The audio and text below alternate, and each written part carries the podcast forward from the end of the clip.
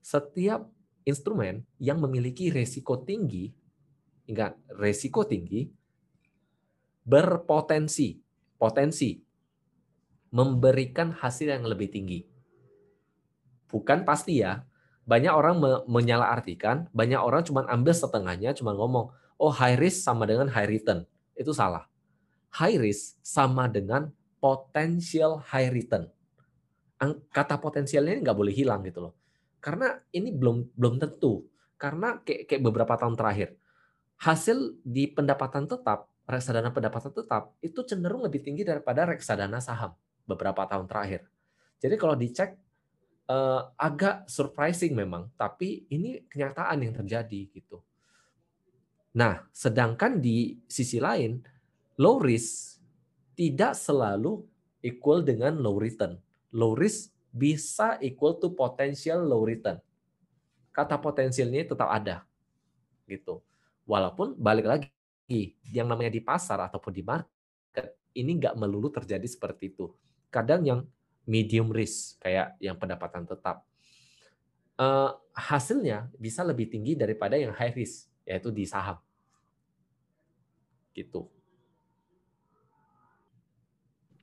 Iya dan dan sebenarnya kayak nggak bisa dibungkir ya kan nggak sekarang itu nggak zamannya yang yang dengan apa ya dengan dengan modal yang sekecil-kecilnya mendapatkan keuntungan sebesar-besarnya tapi sebenarnya itu nggak berlaku lagi karena sebenarnya ya tergantung resikonya. Yang semakin tinggi resikonya ya kemungkinan cuannya lebih tinggi. Tapi ya semakin tinggi resikonya ya semakin kalau lagi lagi sial aja ya ya jeblok juga gitu kan. Tapi sebenarnya kalau misalnya kita main di reksadana, eh kalau investasi di reksadana kan itu kan sebenarnya kayak tergantung target kita berapa lama.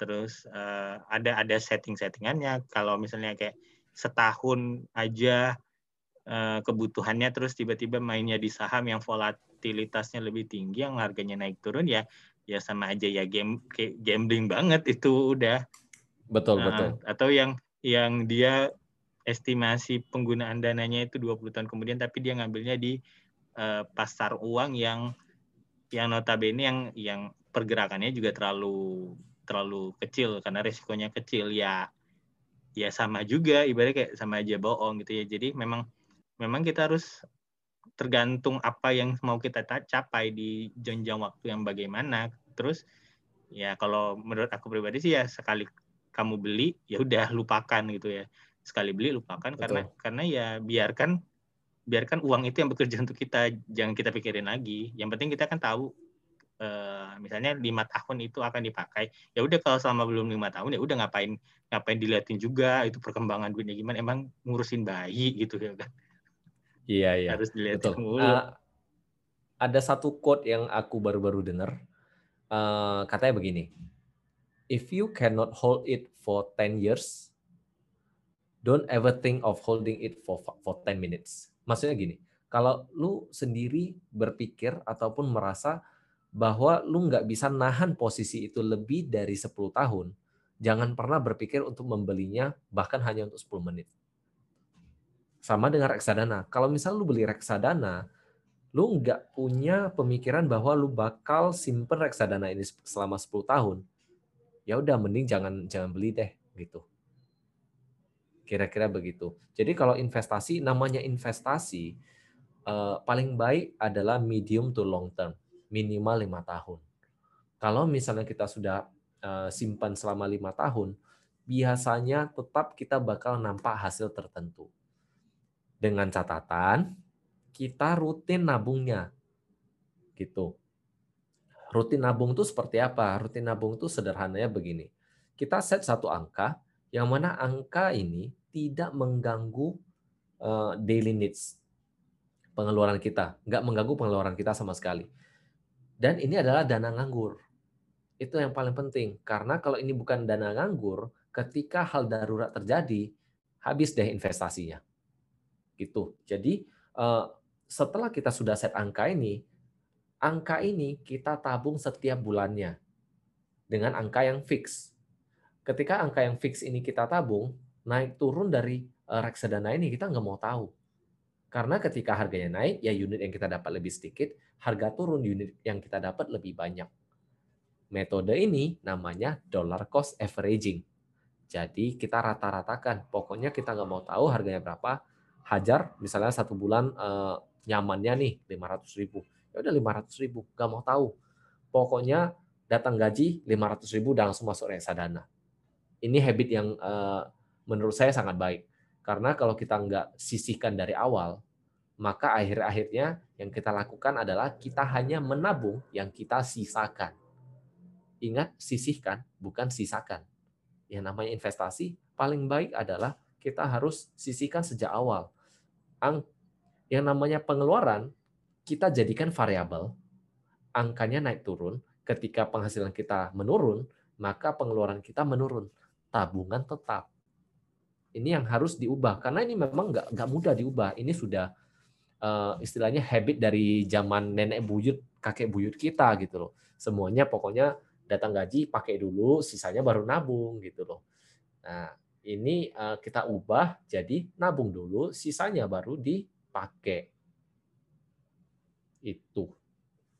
Ya kalau aku sih nggak tahu ya eh, semua orang punya game plan yang berbeda. Cuma kalau menurut aku ya sama maksudnya gini ibaratnya dollar cost averaging itu nggak mesti yang mahal-mahal banget kok enggak kalau misalnya gini sistemnya Setuju. itu kan yang penting kan kita set kita itu harus kita harus komit misalnya dengan penghasilan let's say 10 juta misalnya gitu ya terus kita komit hmm. untuk mengeluarkan 10% dari penghasilan kita kemungkinan ya 10% dari 10 juta kayak sejuta satu juta, gitu. Juta. Nah uang iya. satu juta itu jangan diapa-apain jangan diapa-apain dalam artian ya hmm. ya udah masukin ke reksadana pasar uang kah, pendapatan tetap kah atau ke saham sekalian gitu kan. yes, 9 cocok, jutanya cocok. itulah yang kita kelola untuk kebutuhan kita bayar utang bayar utang terus eh, apa lagi ya bayar makan minum rumah terus listrik segala macam yang yang kebutuhan kita semuanya cicilan dan untuk biaya kesehatan dan dana jaga-jaga. Nah, kalau menurut aku sih pribadi, kalau misalnya kita udah punya strategi seperti itu yang yang kita udah otomatis keluarin sendiri dari awal, otomatis uang 9 juta sisanya itulah yang kita bisa kelola untuk kehidupan kita masing-masing. Misalnya kayak, wah uh, pengeluaran bulan ini kayaknya lagi tinggi nih, kurangi belanja deh, kurang yang hedon-hedon hura-hura. Nah, sementara ya nabungnya tetap nggak akan berubah ya tetap satu juta. Atau kalau cara aku pribadi sih yang agak ekstrim kalau aku sih pribadi kan orangnya yang yang malas keluar duit banyak tapi yang pengennya keluar duit itu yang nggak nggak kepikiran sama sekali. Ya kita bicara aja kayak dollar cost averagingnya kita keluarin tiap hari tapi dengan nominal yang rendah. Misalnya kayak satu bulan itu kita tetap akan komit mengeluarkan uang satu juta. Nah tapi kan kalau misalnya sekali ngeluarin jebret satu juta itu kan kayaknya kayak dalam gitu ya, dalam banget. Iya, iya. Nah, kalau aku pribadi sih, eh, aku bagi aja. Jadi secara pengeluaran tapi tidak terasa. Misalnya dari 100 juta dibagi 30 hari, itu kan dapatnya sekitar 30 ribu. Ya udah, sehari ngeluarin 30 ribu aja. Ya. Nah, uh, menurut aku sih idenya bagus sih. Kalau misalnya mau uh, nyicil harian, itu pun ide yang bagus banget karena uh, memang nggak mudah uh, jadiin ini habit. Tapi kan sekarang ada fasilitas otomatis kan. Jadi bisa otomatis dinyicil tiap hari, oke okay juga sih. Cuman uh, aku sendiri aku sendiri di reksadana aku belum apa namanya, belum rutin tiap bulan karena aku masih ngulik nih uh, aplikasinya bisa ngasih aku bulanan nggak, tapi otomatis. Eh, karena aku sendiri investnya juga aku nggak invest di Malaysia, aku investnya di Indonesia. Uh, karena setahu uh, yang aku search di Malaysia returnnya nggak bagus gitu loh, dan di Indonesia lebih lebih bagus. Jadi aku cukup rutin setiap bulan ngirim balik ke Indonesia untuk diinvest lagi gitu. Karena gimana pun sih Indonesia kan emerging market alias negara yang sedang berkembang. Emerging market ini cenderung ngasih hasil yang lebih tinggi Walaupun perlu kita akui bahwa pergerakannya kadang agak apa namanya agak volatile, agak liar. Jadi eh, volatilitas ini ya kita akalin dengan dollar cost averaging yang tadi. Itu sih kalau aku. Iya, jadi maksudnya dalam artian karena kita mengeluarkan dengan konsistensi jadi habit gitu kan, kayak mengeluarkan dikit-dikit dikit atau sekali banyak sekali aja gitu kan.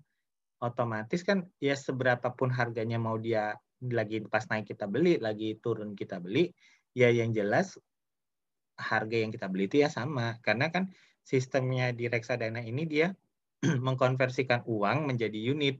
Kalau misalnya kita ngikutin, nah itu yang aku lebih suka karena yang dikonversikan duit jadi jadi unitnya dibandingkan dengan harga saham yang kita beli itu harus ngikutin harga si empunya saham. Misalnya kayak kita lagi beli pas harganya 100 terus kemudian 5 detik kemudian harganya jadi 101, harganya yang kita keluarkan juga udah berbeda.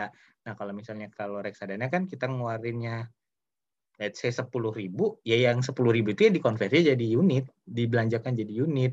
Nah itu aku lebih senengnya. Jadi aku tuh nggak pusing uh, mikirin, oh kalau misalnya beli 10 lot di saham, mungkin uh, sampai satu juta misalnya gitu ya. Terus dibandingkan dengan harga di reksadana, satu juta itu udah udah dibeliin sama manajer investasinya nggak cuma dia satu saham yang sama bisa aja dipecah sampai jadi jadi berapa banyak. Nah, aku lebih suka sih karenanya seperti itu konsepnya. Gitu deh. Ih, mantap mantap. Masuk akal sih, masuk akal banget.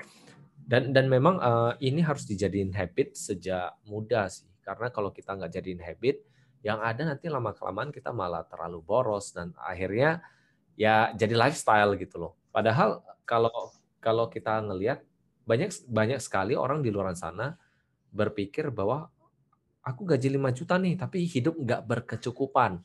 Padahal faktanya, kalau kita ngelihat di Indonesia sendiri, banyak sekali orang penghasilan jauh di bawah itu. Tapi bisa-bisa aja hidup gitu. Balik ke lifestyle-nya juga nanti. Gitu. Iya benar. Dan orang-orang pada nyalahin kayak misalnya kayak uh, mengkambing hitamkan lokasi gitu ya letak letak misalnya kayak kita yang tinggal di Medan ini dibandingkan tinggal yang di Jakarta itu biaya hidupnya tinggi apa segala macam. Sebenarnya enggak.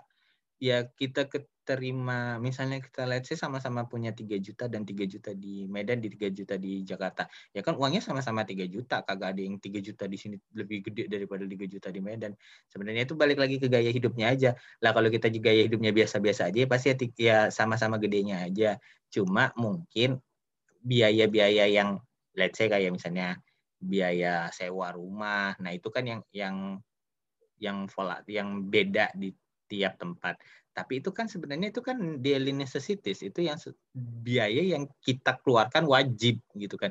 Ya jadi ngapain dipikirin? Yang nggak wajib itu yang seharusnya kita tekan gitu. Kalau misalnya misalnya nggak perlu-perlu banget makan di luar ya ngapain? Setuju banget. Uh, aku aku punya contoh nih temen-temen temanku yang di Medan itu dia punya satu adik itu kerja di Jakarta. Gajinya tuh menurut aku di Jakarta itu masih di bawah standar. Karena dia juga masih fresh grad. Dia uh, gajinya cuma tiga setengah juta Jakarta loh. Hebatnya dengan gaji 3,5 juta ini sebulan dia bisa nabung satu jutaan.